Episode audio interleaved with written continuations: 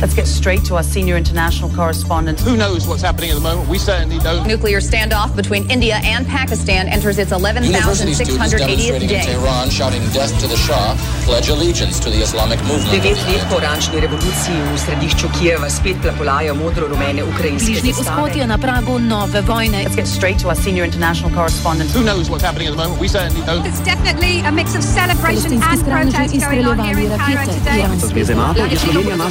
Kopru prevzela določene obveznosti. Ja, tukaj v Tobruku smo slišali, kaj je. According to a high official, it is believed foreign correspondent. I could get more news out of Europe looking in a crystal ball. Offside. Za Eurazijsko Moldavijo.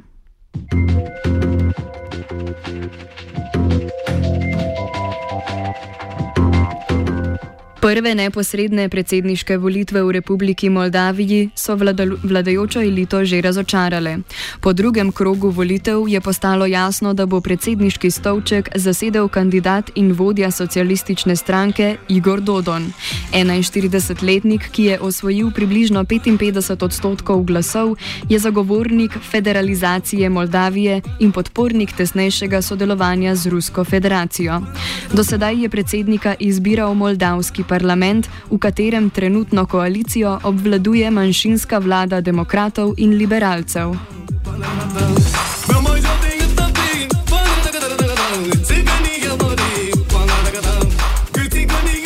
Dodon je kot vodja sicer največje parlamentarne stranke, kaj kmalu po izvolitvi pozval k predčasnim volitvam, ki bi Moldaviji lahko prinesle že petega premijeja od leta 2014 dalje.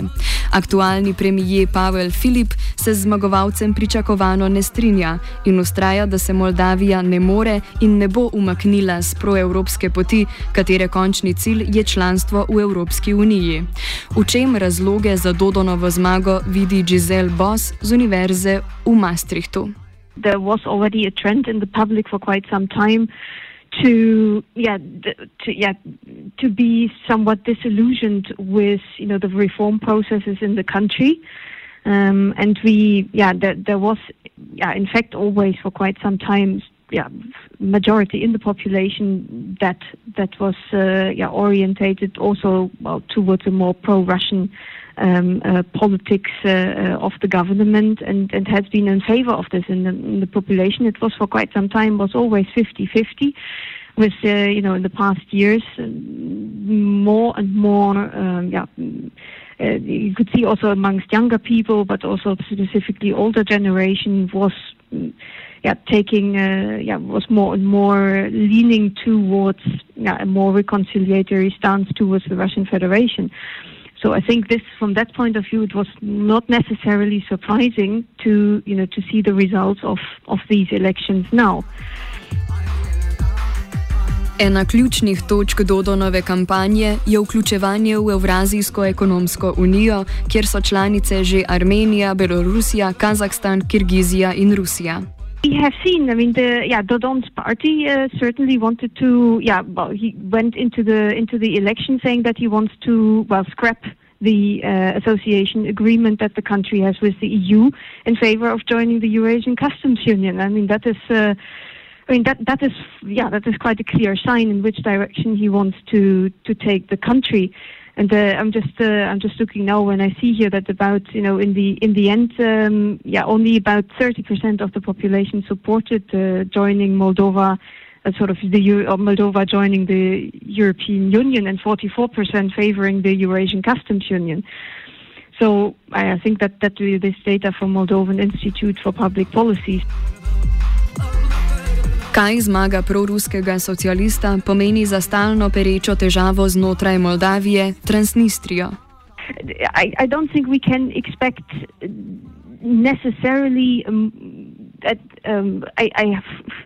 I, that, that he would change the status that is now uh, the, in place. In fact, I think the interest of a government that is orientated more towards the Russian Federation would be um, to uh, try to move towards.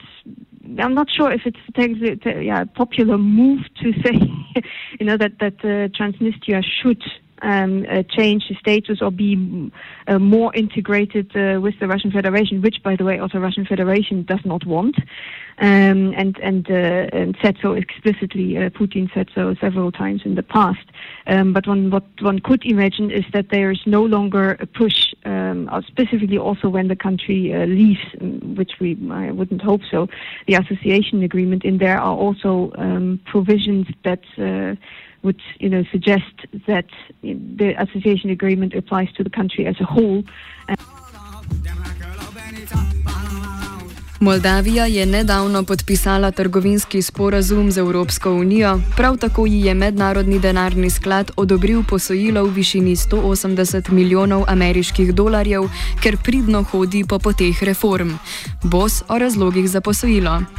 I think the economic situation was very dire, and for the political elite, uh, the pro-European uh, political elites, that was probably the last straw to hang on to, um, to try to promise, uh, yeah, the, to to the population um, that the situation would, yeah, would turn better. And I think that uh, that that that was one of the reasons uh, why Moldova originally, I think that was that, that that that was already for quite some time, has been you know trying to um, uh, sort of absorb the IMF loans. Um, and that, that, that is not necessarily anything. I think that also has been ongoing. Um, however, I think the urgency was now for the government to show, well, you know, well, we, we or the previous government, uh, well, we, we can still do something, or something can still be, um, you know, improved. It's one of the poorest countries, obviously, also uh, in, in, in Europe. Bos opiše, kako sama vidi vpliv zunanje motivacije na spremembe v Moldaviji. And in all fairness, one has to say that the European Union, although of course, you know, membership has never been openly on the agenda, um, I think through um, economic integration, the association agreement, now also the deep and comprehensive free trade agreement, which is of course the most important part of these association agreements, uh, the you know, EU would have offered um, Moldova possibility to reform um, or to have at least an external incentive, you know, pushing to further for further reforms. And we very much hear from those reform-minded elites in the country, specifically the sort of young um, um, intellectuals who you know, want to reform the country, that the external incentives of the EU and specifically the deadlines set um, for economic but also political reforms in the association, mainly the uh, DCFTA, the Deep and Comprehensive Free Trade Agreement, would have been extremely important um, to to move something in the country, specifically if you have a high level of corruption um, and political elite that is deeply um, sort of involved or uh, or part of um, sort of a yeah corrupt corrupt system. Um, now, others would have said, well, European Union um, has not gone too far. It was mainly, well, look, you know, we, we offer you a trade agreement that is also beneficial for us, say for the EU to simply expand their markets. Uh, and uh, that, that would have been the argument, well, the EU didn't do enough. Uh, yeah, the truth is probably somewhere in the middle.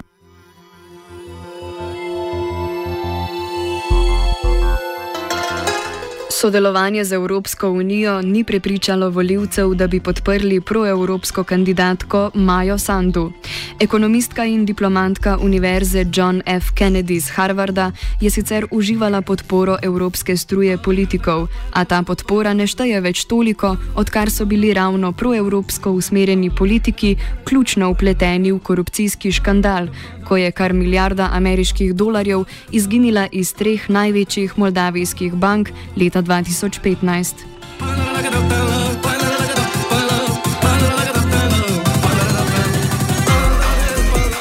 Maja Sandu poraza zaenkrat še ne priznava in zahteva neodvisno preiskavo volitev, ki naj bi bile kljub prisotnosti 4000 zunanjih opazovalcev nekorektne. Velja povdariti, da je Moldavija še vedno parlamentarna demokracija, kjer ima predsednik bolj kot ne simbolično vlogo.